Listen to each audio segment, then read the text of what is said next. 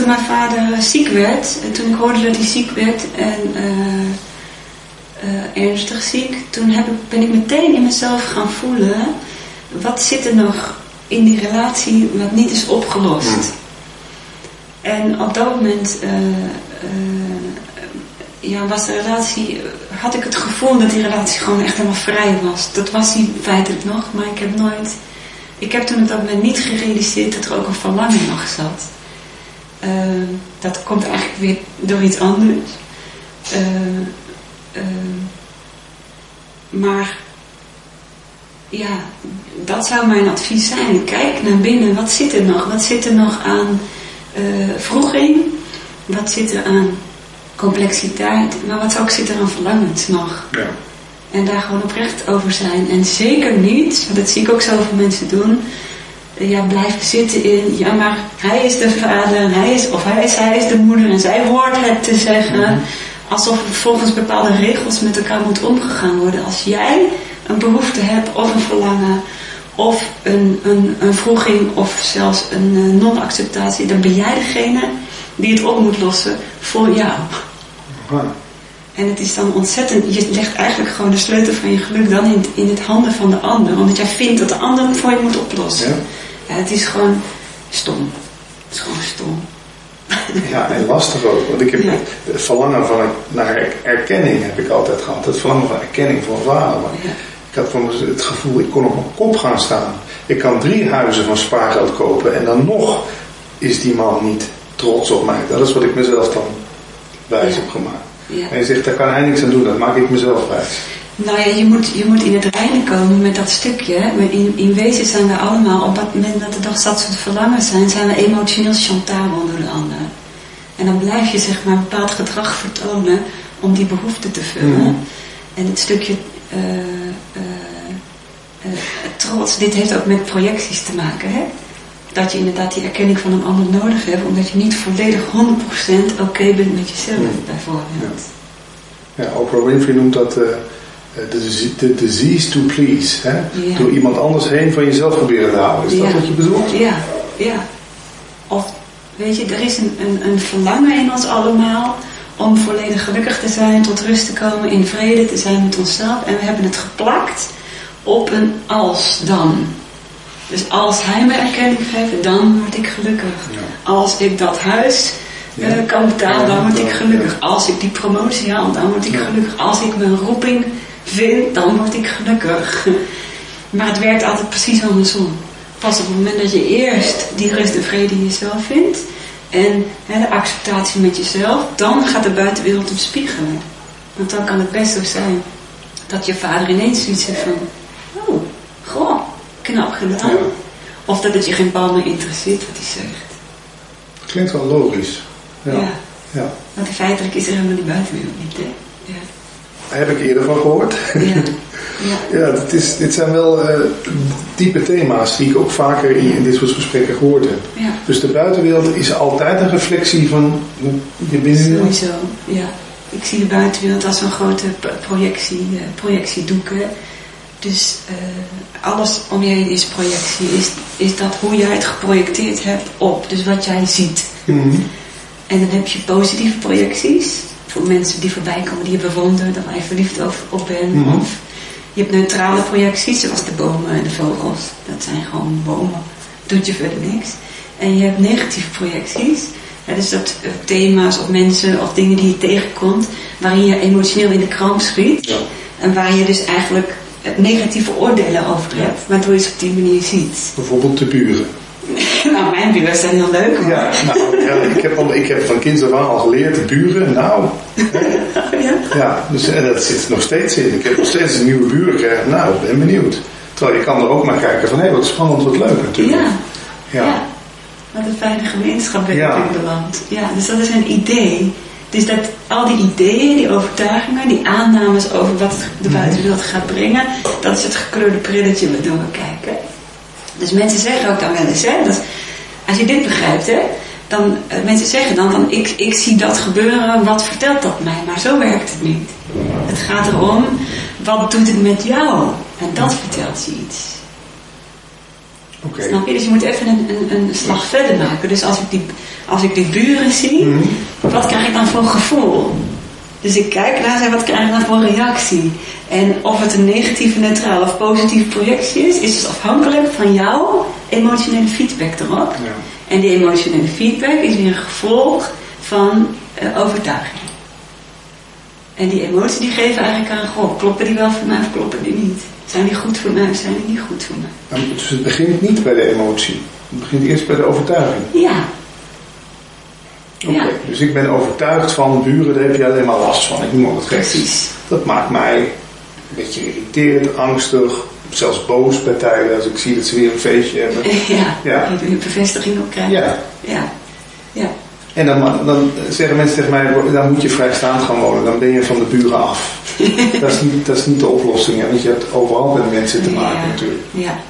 Nou ja, als ik naar jou kijk, dan, dan, dan eh, zou ik ook zeggen, gewoon moet je niet vrijstaan gaan wonen. Maar meer omdat ik denk dat, jouw, dat het goed is voor jouw systeem. Nou ja, prikkels, ik ben wel prikkelgevoelig, Ja. jij ook. Ja, en dat is iets heel anders dan vluchten van buren, omdat je non-acceptatie er tegenover Hmm. hebt. Kijk, en dan werkt het ook niet.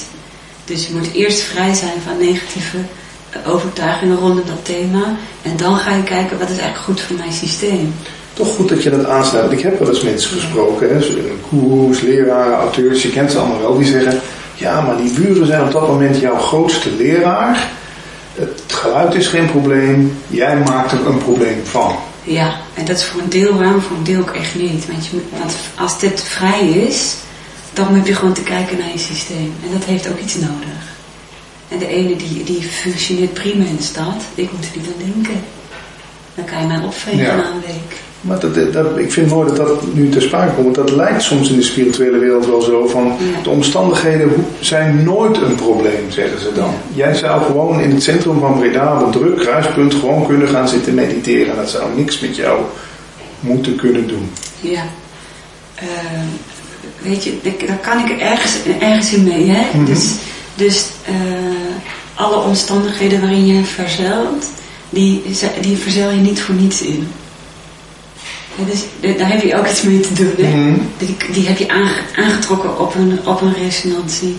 Eh, als je kijkt op overtuigingniveau en je maakt alles vrij, zou je in principe overal kunnen zijn en daar eh, met acceptatie en met respect naar de buitenwereld kunnen zijn. Maar ik vind dat dat los staat van wat nodig is voor jouw systeem. Dan Ja. ben je inderdaad super sensitief, dan zijn te veel prikkels er gewoon niet fijn. Ja. En dan kan je, ze wel, kan je ze transformeren. Als je vrij bent, is het ook makkelijker transformeren. Maar het is gewoon niet goed voor je Je systeem. hoeft het niet op te gaan zoeken. zeg. Nee, Ja. nee. Want een van de dingen die, die eh, bedoeld worden met dat je de flow van het leven volgt in acceptatie.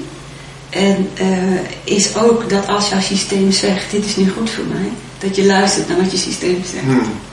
En het niet maar weg eet, Nee. zitten eten of weg bonjourt. Of, Nee, eh, alleen het gros van de mensen zit toch gevangen in allemaal negatieve oordelen. En die moeten wel vrijkomen. ja. Maar, en dat, dat vind ik zo interessant aan, het, aan dat eh, emotiestructuur eh, waar volgens ik werk, is dat er eigenlijk één emotiegroep is die vermoedelijk alleen maar bij mensen voorkomt. En dat is categorie schuld, schaamte. En dat is waar we allemaal met z'n allen onder lijden. En dat is ook waarop de, de maatschappij is gefundamenteerd. Ja. Terwijl al die andere emotiegroepen, dat zijn gewoon, die is gewoon je navigatiesysteem. Van wat, wat is wel goed voor mij en wat niet. Waar moet ik heen?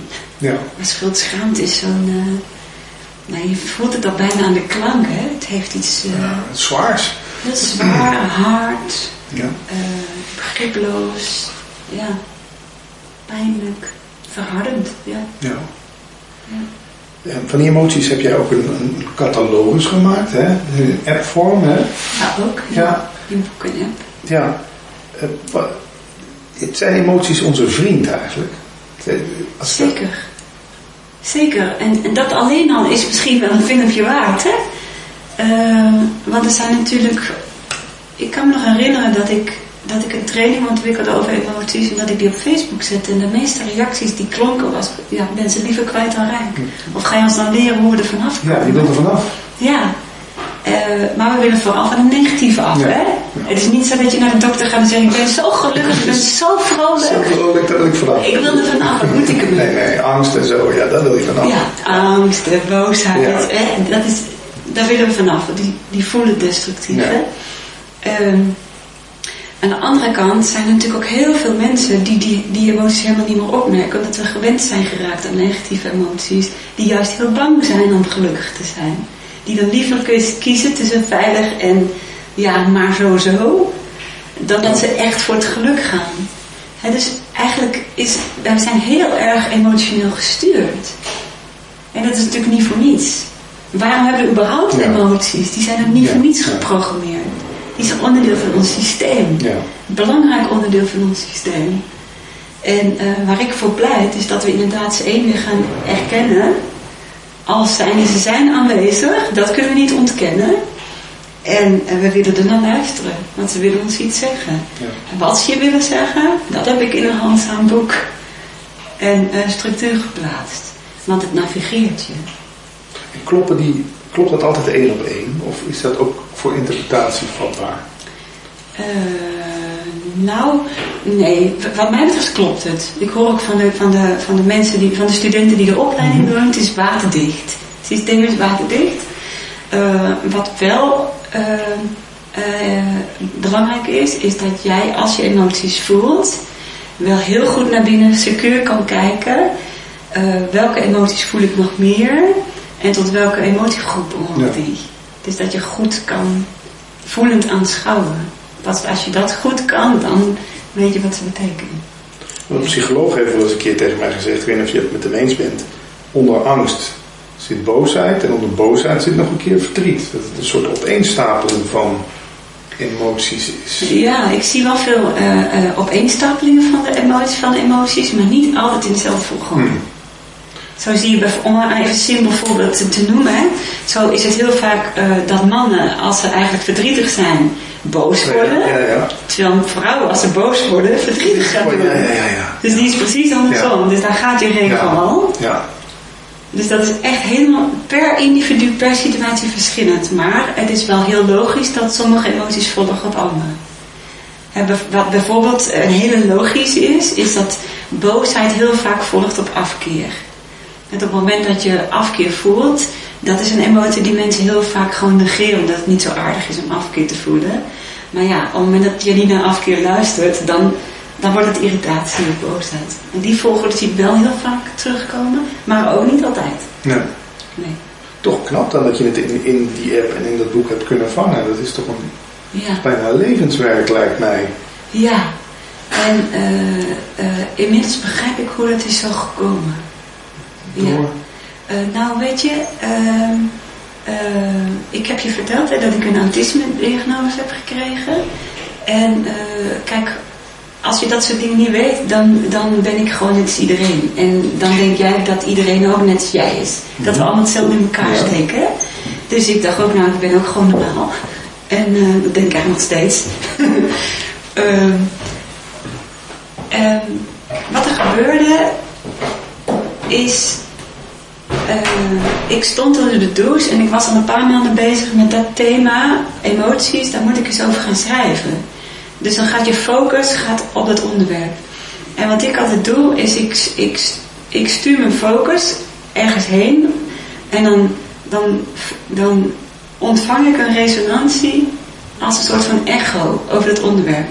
Dus ik was al een paar maanden aan het, aan het uitzenden, aan het proberen resonantie te zoeken even over emoties. En ik stond onder de douche en ineens zag ik die hele structuur. En eh, een van de redenen dat ik die structuur kon zien, is één, omdat ik dus een, een, een, een brein heb dat altijd naar structuur op zoek is. We zien het hier ook in je kantoor. hè? Ja, ja. Heel gestructureerd. Heel gestructureerd. Ik hou van vakjes. Ik hou van, weet je, dat is gewoon... Indelen. Ja, dit is eh, niet eens zozeer een levensbehoefte. Het is gewoon lekker. Het is leuk. Het is... eh, Fijn. ja, dit, dit is gewoon... eh, dit gaat vanzelf. En ehm, ik kan, kan het prima in de natuur zijn. waar je zou zeggen er is er geen structuur. Chaos. Ja, maar de natuurstructuur is eigenlijk heel erg gestructureerd. Natuur. Ondanks dat het zo wild lijkt. Ja, er zit eigenlijk een hele diep... Maar goed, dat is even een zijspoor. Uh, die emoties, dus... Uh, ik heb dus een structuur gezien. Omdat ik dus continu op zoek ben naar structuren. En uh, er is ook iets heel fundamenteels in mij. Dus ik zoek structuur op de meest fundamentele laag. En um, toen ik me verder in die structuur ging verdiepen van die emoties, kwam ik erachter dat deze acht uh, emotiegroepen symbool staan voor acht levensthema's. En dat die acht levensthema's ook het, echt het complete plaatje vertolken van wie zijn wij, wat komen we doen in deze menselijke gedaante en hoe werkt deze creatieve maatschappij. En het zit alle, alle, die hele, alle informatie die zit in die acht emotiegroepen. Als je werkelijk tot een diepte begrijpt. En uh, daarom zijn ze ook zo fundamenteel voor het navigatiesysteem. En wat ik ook merkte, eigenlijk toen ik al die studenten dus les ging geven, is dat ik van jongs af aan uh, ben ik aan het observeren geweest. Aan het observeren waarom zeggen mensen wat ze zeggen en doen ze wat ze doen. Ik nam de wereld namelijk voelend waar. En er zat heel veel onlogica in hoe mensen deden en wat ze zeiden. Ja. En ik denk dat alle autisten dat met mij delen. Uh, maar dat werd mijn fascinatie. En dus wat je ook vaak ziet met autisme is dat er één fascinatie is. Dus mijn hele leven, echt vanaf dat ik in de wieg zat, is dat mijn fascinatie geweest. En ben ik alleen maar 24 uur per dag daarmee bezig. Emoties? Nee, waarom doen mensen wat ze doen? En zeggen ze wat ze zeggen. Ja, en waarom klopt dat vaak niet? En waarom klopt het niet? Ja, en dus, ja. dus uh, ik heb ook een aantal jaren in mijn jeugd niet gesproken. Ik heb drie jaar niet gesproken. Hoe oud was je toen? Uh, jong, uh, zeg maar tussen de vier en zeven. Gewoon stil? Stil. Dat noemen ze dan mutisme, hè? of selectief mutisme. Mm -hmm. En ook dat komt vaker voor met autisme. En één, als ik dan terugdenk, dan vermoed ik, want ik was vrij jong, dus mijn geheugen moet ik daar echt op richten. Heeft dat te maken gehad met het naar de kleuterschool gaan, peuterspeelzaal. Dat dat gewoon zoveel prikkels met zich meegaf. Dat ik gewoon te druk bezig was met, met prikkels verwerken. Dat, dat wat eigenlijk veel energie kost, namelijk een gesprek, dat ik daar gewoon helemaal niet aan toe kwam. Een ander ding is, uh, is het observeren. Dus het echt bezig zijn met observeren. En dat is een, een, een, een, een sponswerking. Hè? Observeren is kijken en processen. Terwijl spreken die kant op gaat. Ja. En dat gaat niet samen. Het is of innemen of uitdragen. Ja. Dus ik heb jaren alleen maar innemen, innemen, innemen, kijken, kijken, kijken. En ik heb dan gekeken naar dit soort fijne signalen. Ik, ik kwam erachter tijdens die uh, die opleiding. Uh, want ik ging dus gewoon casussen doen en uitleggen waarom ik een bepaalde richting op gaf, waaraan ik dat zie. En ik merkte dat ik vaak de enige was die hele subtiele details zag. In gezichtsspiertjes die veranderen, in houding die verandert, mond, in stem, in ademhaling, in elk detail. Dus mijn non-verbale uh, capaciteit, mijn non-verbale uh, opmerkzaamheid is heel erg goed en heel erg gedetailleerd. Ja. En, dus, en ook die worden allemaal gecategoriseerd naar die emotiegroepen. Dus in een gesprek kan ik zo, als iemand praat, prik, prik, prik, daar zie ik wat gebeuren, daar zie ik wat gebeuren. En dat wat ik voel, zegt iets heel anders. Ja. Dus zo is dat uh, ontstaan. Is nog te herleiden naar je vader? Was, heb je dat ook als kind aangeleerd om je vader toch te kunnen lezen of aanvoelen? Of heb je daar die kwaliteit ontwikkeld? Nou, ik denk eigenlijk naar mijn vader toe het minst. Omdat die eigenlijk veel logischer was, veel duidelijker was. Als mijn vader iets uh, zei, dan meende hij het ook. Er was geen verschil tussen nee. wat hij zei en wat hij voelde. Nee. Of wat hij bedoelde, ja. Ja. Ja. En eh, nou, je moest, je moest wel de, de. Hij kon het wel heel bot zeggen. Mhm. Ehm, maar hij zei het op een moment dat hij een boodschap wilde geven. Dus ook al kwam het er bot eruit, hij, hij, bedoelde, hij bedoelde wel iets in die richting. Mhm. Terwijl hij zegt geen nee als hij ja bedoelt. Ja. Hij zegt misschien absoluut niet als hij nee bedoelt. Maar dan is wel dezelfde lijn. Ja. Snap je? Ja.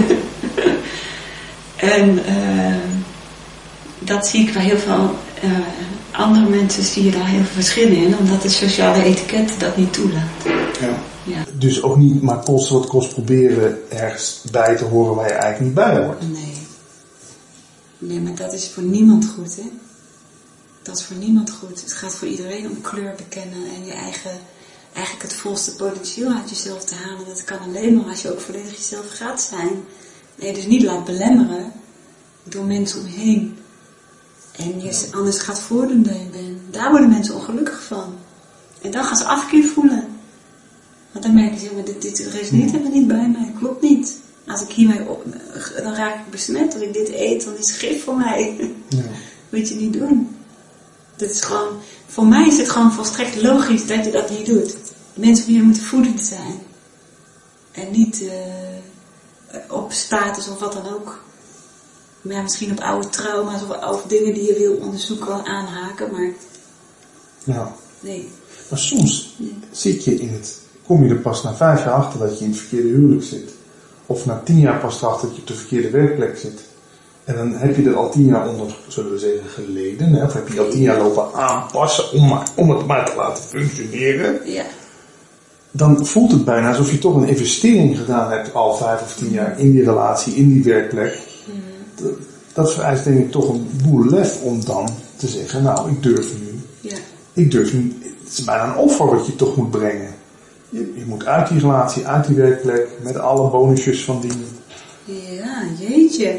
Zo zou ik het helemaal niet zien. Nee? Nee, want weet je, eh, alles wat je. Kijk, één klinkt het voor mij niet logisch dat je pas er na tien jaar achter komt dat het niet resoneert. Ja, maar je kan het lang uitstellen. Ja, dat wel. Maar dan nog vermoed ik dat er andere dingen wel de moeite waard waren om te blijven. Oké. Begrijp je? Dus dat het wel op andere vlakken misschien Toch. geresoneerd heeft. En op het ene vlak niet. En dat je dat tien jaar lang hebt getolereerd, omdat die andere dingen de moeite Ja, waard dat waren. En als je dat hebt ontwikkeld, en dat, daar gaat het niet meer om, blijft uiteindelijk alleen nog. Ja. En dan komt het moment dat je zegt dat het klopt niet meer. ja.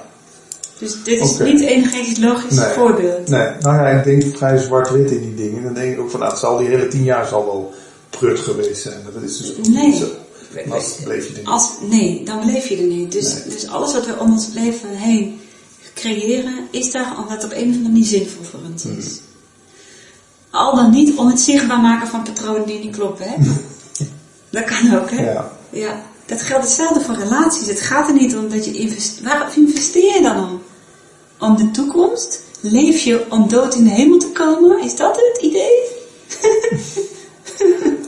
Ja, of je weet wat je hebt. Hè. Soms is, is vaak het, het, het- Je weet, deze schoenen doen zeer, maar ik heb nog geen, ik heb geen nieuwe schoenen, dus dan blijf ik maar op deze schoenen. Ja. Anders had ik geen schoenen. Nee. Tenzij het, weet je, eh, ik, daarin denk ik echt heel anders. Ja. Dus dingen zijn, ehm, dingen zijn geen investeringen voor, voor straks. Ja, een zaak kan je opbouwen, maar dan nog kan je zo een andere weg inslaan. Hè? Eh, voor mij is elk moment in het leven, wat ik ook in interactie met wie dan ook doe, is op dat moment dat waar ik wil zijn en waar ik uithaal, waar, wat ik eruit wil halen. Mhm. Dus waarin ik ontwikkel, waarin ik groei, alleen het einddoel ligt niet vast. Dus het is geen investering omdat ik straks daar iets in wil bereiken. Het is, het is wel investering in mijn levensgroei. Maar het wie, wat, waar, wanneer en hoe hoeft niet vast te liggen. Dus het is, het is eh, groei in inzicht, groei in menselijke vaardigheden leren ontwikkelen. Het kan nog alle kanten op daarna. Ja, Dus je, hebt- jouw doel- jij bent niet zoals vaak met die succescoaches vertellen. Je zet daar je doel neer, hè? dus je, je pinpoint. En hoe dan ook, die kant gaan we op. Alles staat in het teken van over een jaar miljonair zijn. Of over tien jaar op Bonaire wonen. Of... Nee, nee. Zo zit ik niet in elkaar. En ik denk ook niet dat dat gaat werken als je alleen maar een doel stelt daar. Want, want wat belangrijker is namelijk is je intentie. En dat is iets wat uh, echt op fundamentaal niveau erin moet zitten. Dus mijn intentie bijvoorbeeld is, uh, wat ik mijn hele leven al doe, maar altijd in andere vorm, is ik prik altijd op dat wat niet klopt. En dus ik geef inzicht zodat eigenlijk hoofd en hart weer op één lijn kunnen komen. Dus ik prik op dat wat op hoofdniveau niet klopt, zodat die op één lijn kunnen komen. En dat weer eigenlijk weer ongestoorde doorgang kan plaatsvinden ook in creatie. Dit is misschien hocus pocus als ik het zo noem. Dus als, ik een, als het een doel is, dan is het trouw zijn aan die intentie. En alles uit de kast halen om die in vorm te gieten. Alleen mensen leggen het doel in vorm. Die leggen het doel in een wie, wat, waar, mhm. wanneer en hoe. En daar ben ik vrij flexibel in. Dus de intentie moet kloppen, maar het wie, wat, waar en hoe, dat mag veranderen.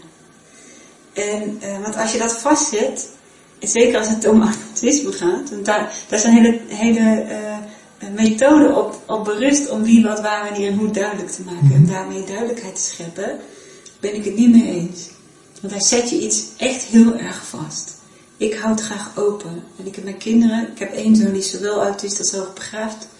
Ik heb altijd gevoeld dat moet open blijven. Het moet open blijven.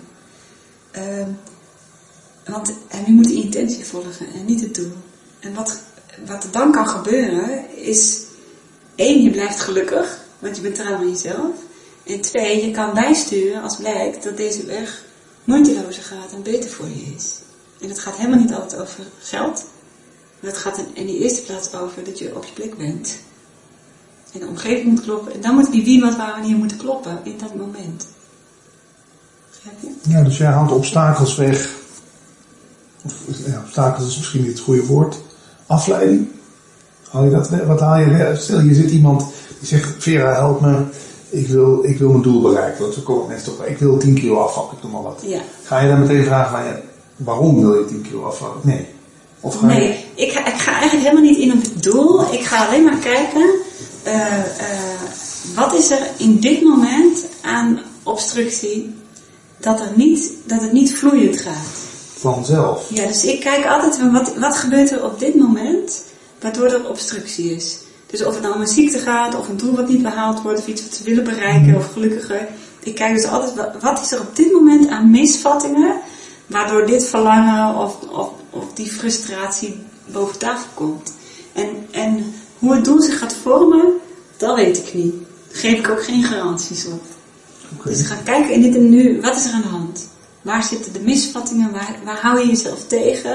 En het heeft heel vaak met overtuigingen te maken. Lemmendige overtuigingen. Ja, misvatting, misvattingen.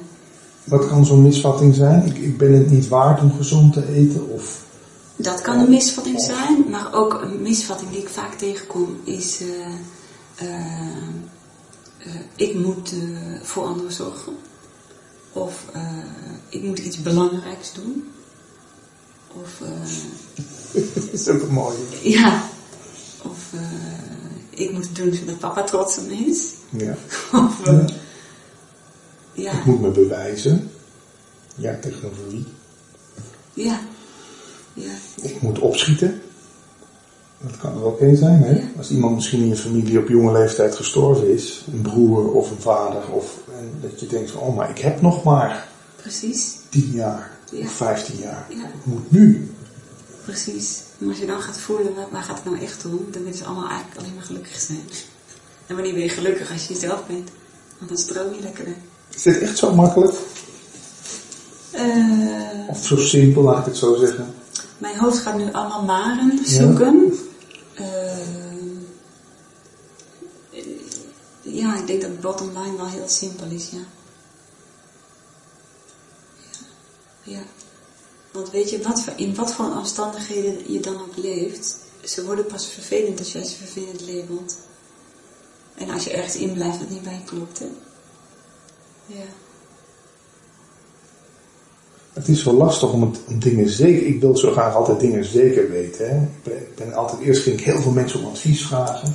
Maar hoe, hoe weet je nou de dingen echt zeker? Hoe weet je nou zeker deze week? Nee, hè?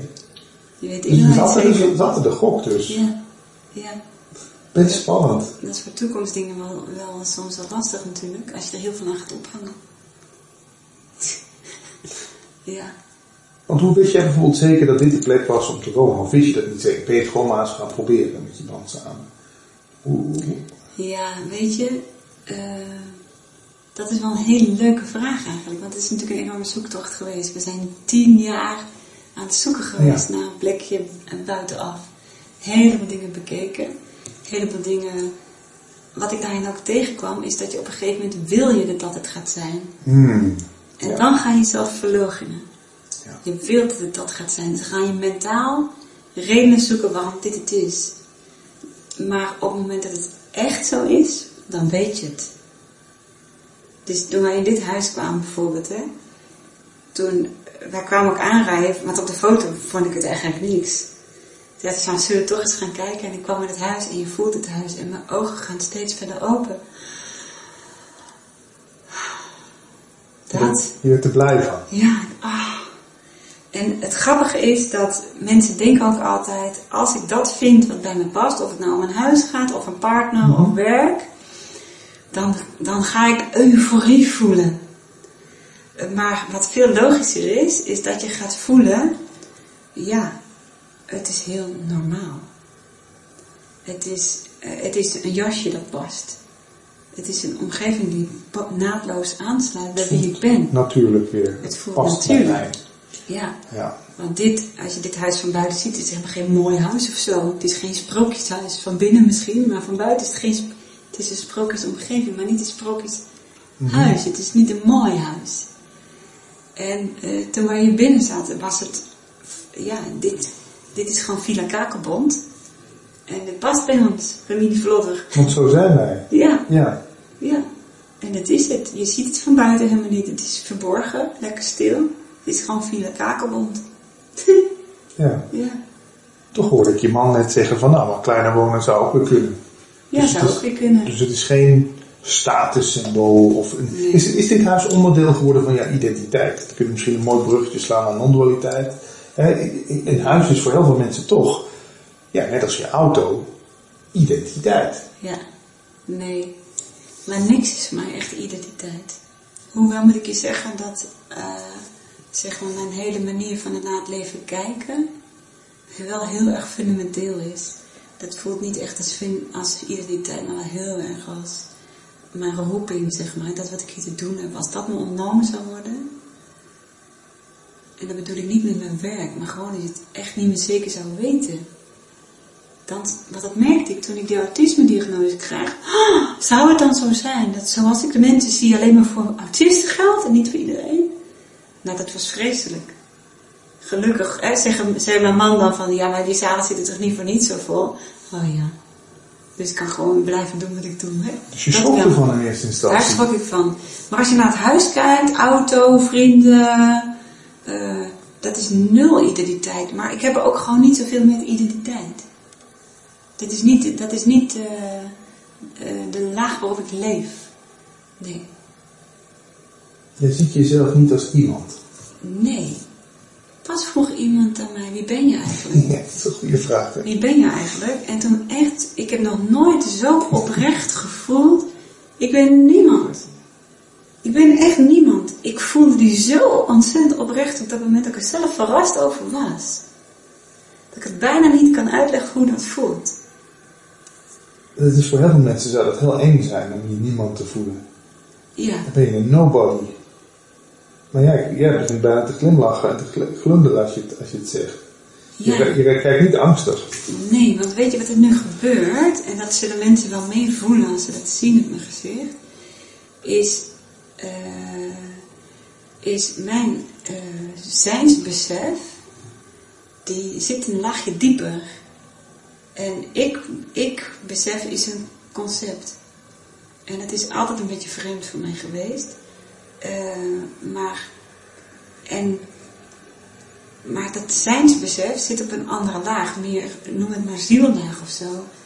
En daarin, eh, dat is voorbij aan regeltjes, voorbij aan gebruiksaanwijzing, gebruik, voorbij aan Hokjes. karakteromschrijving, hokjes, eh, dochter van die, eh, werkt dan bij die, Ja, ja, ja. woont in zus en zo. ja. Dat gaat eraan voorbij. Het is eigenlijk een soort van eh, eh, voelende natuur. Voelende natuur. En zeg maar, wat ik je net vertelde, de manier waarop ik kijk naar de mensen, eh, is gefundeerd in die voelende natuur. Dus dat is wel heel fundamenteel. Mhm. Maar, maar de spullen omheen zijn niet gerelateerd aan identiteit. Heb ik dat ooit gehad, vroeg ik mij af. Ik heb wel gehecht aan dingetjes. Gehecht aan eh, bijvoorbeeld boeken of zo. En gehecht aan eh, aan gadgets bijvoorbeeld. Maar die heb ik op een gegeven moment allemaal eh, weggedaan. Bewust ook. Want het begon als ballast te voelen of... Nou, wij hebben ooit een faillissement meegemaakt. En dat was eigenlijk een hele fijne periode. Of bijzondere periode. Fijn zou ik het niet noemen. Heel leerzaam. Dat is wel een heel interessant onderwerp overigens. Wij hadden een, eh, een faillissement en dat was ontstaan in, in, de, in het bedrijf van mijn echtgenoot. Ik werkte toen niet, ik had kleine kinderen. We hadden kleine kinderen natuurlijk. En eh, ja, er was dus helemaal nergens meer geld voor. En eh, het probleem dat wij toen hadden, wij woonden wel in de vrije sector, huurwoning. Dus wij konden ook geen andere woning krijgen, we kregen geen huursubsidie, niks. Dus wij leefden op dat moment best kostbaar, terwijl we helemaal geen geld hadden. Dus ik heb, en ook geen, eh, we waren allebei ondernemers, dus geen... eh, Sociale zekerheden. Niks. Dus we waren failliet, zonder, zonder spaargeld, zonder sociale voorzieningen.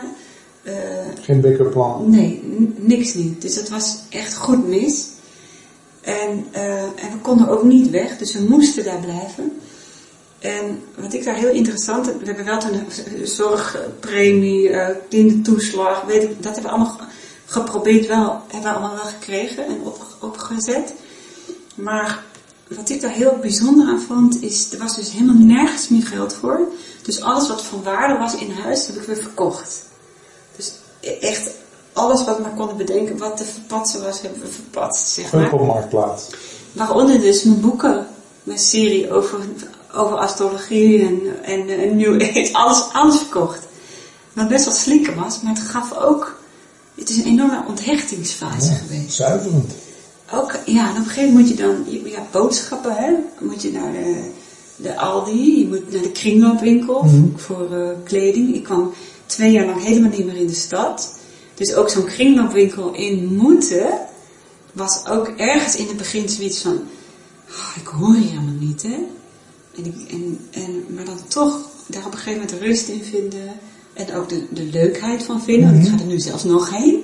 Je werd er creatief van. Ja, maar ook inderdaad eh, dat je op visite gaat en altijd iets moet meenemen, een bloemetje of een bonbonnetje. Wat een waanzin.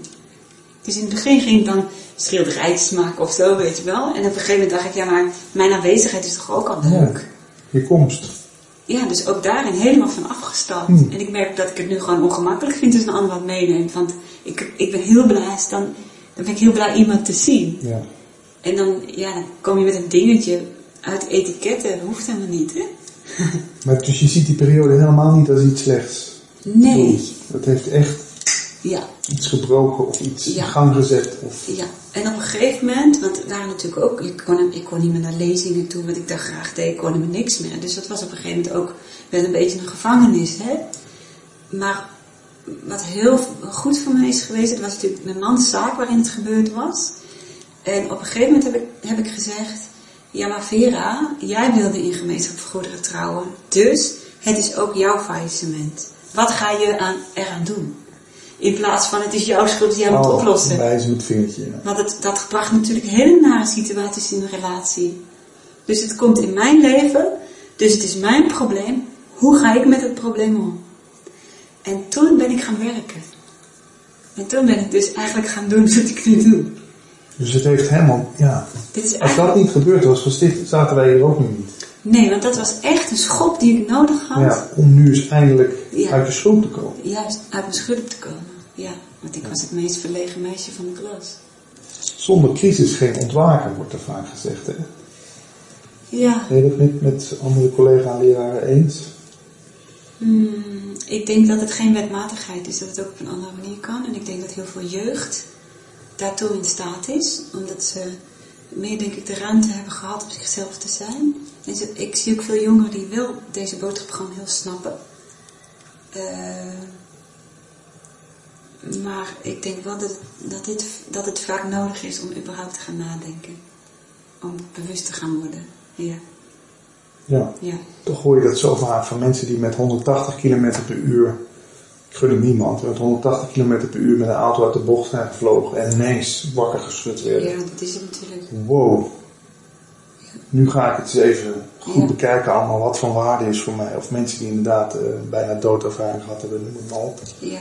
We zien die dingen in eerste instantie echt als verschrikkelijk, maar vaak zijn het wel de, ja. de breekijzers van het leven die we nodig hebben. Hè? Ja, en dat heeft natuurlijk ook weer met die emoties, emoties te maken. Want op het moment dat er, dat er dat soort dingen gebeuren, dan krijg je hele heftige emoties. En die maken dat je moet kijken. Het kan niet meer anders, hè? Je, je, je, je kan niet anders. Je nee, moet. Je moet kijken, ja. want het voel je gewoon ellendig. Dus je gaat zoeken naar wat is een weg uit mijn ellende, mijn emotionele ellende.